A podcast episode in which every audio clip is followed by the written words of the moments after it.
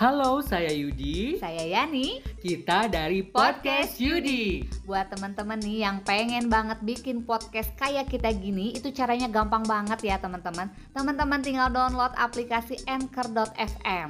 Bisa bikin podcast, bisa langsung proses editing, dan bisa langsung didistribusikan ke Spotify dan platform lainnya. Aplikasi Anchor.fm 100% gratis ya teman-teman. Yuk download aplikasi Anchor.fm sekarang juga.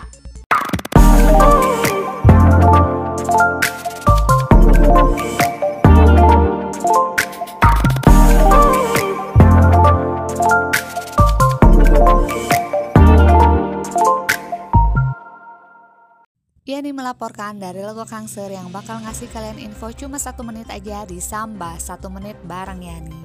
Teman-teman podcast Yudi pasti suka ada yang pakai kopi hitam untuk mengurangi rasa ngantuk. Karena kandungan kafein pada kopi ini mampu memblokir hormon-hormon yang membuat pembuluh darah melebar. Hal ini membuat pembuluh darah menyempit sehingga tekanan darah akan meningkat. Dan selain itu nih, asupan kafein atau kopi hitam ini juga mampu meningkatkan senyawa adrenalin loh teman-teman. Jadi senyawa ini mampu memicu kenaikan pembuluh darah dan membuat jantung berdebar dan bisa mengurangi rasa ngantuk.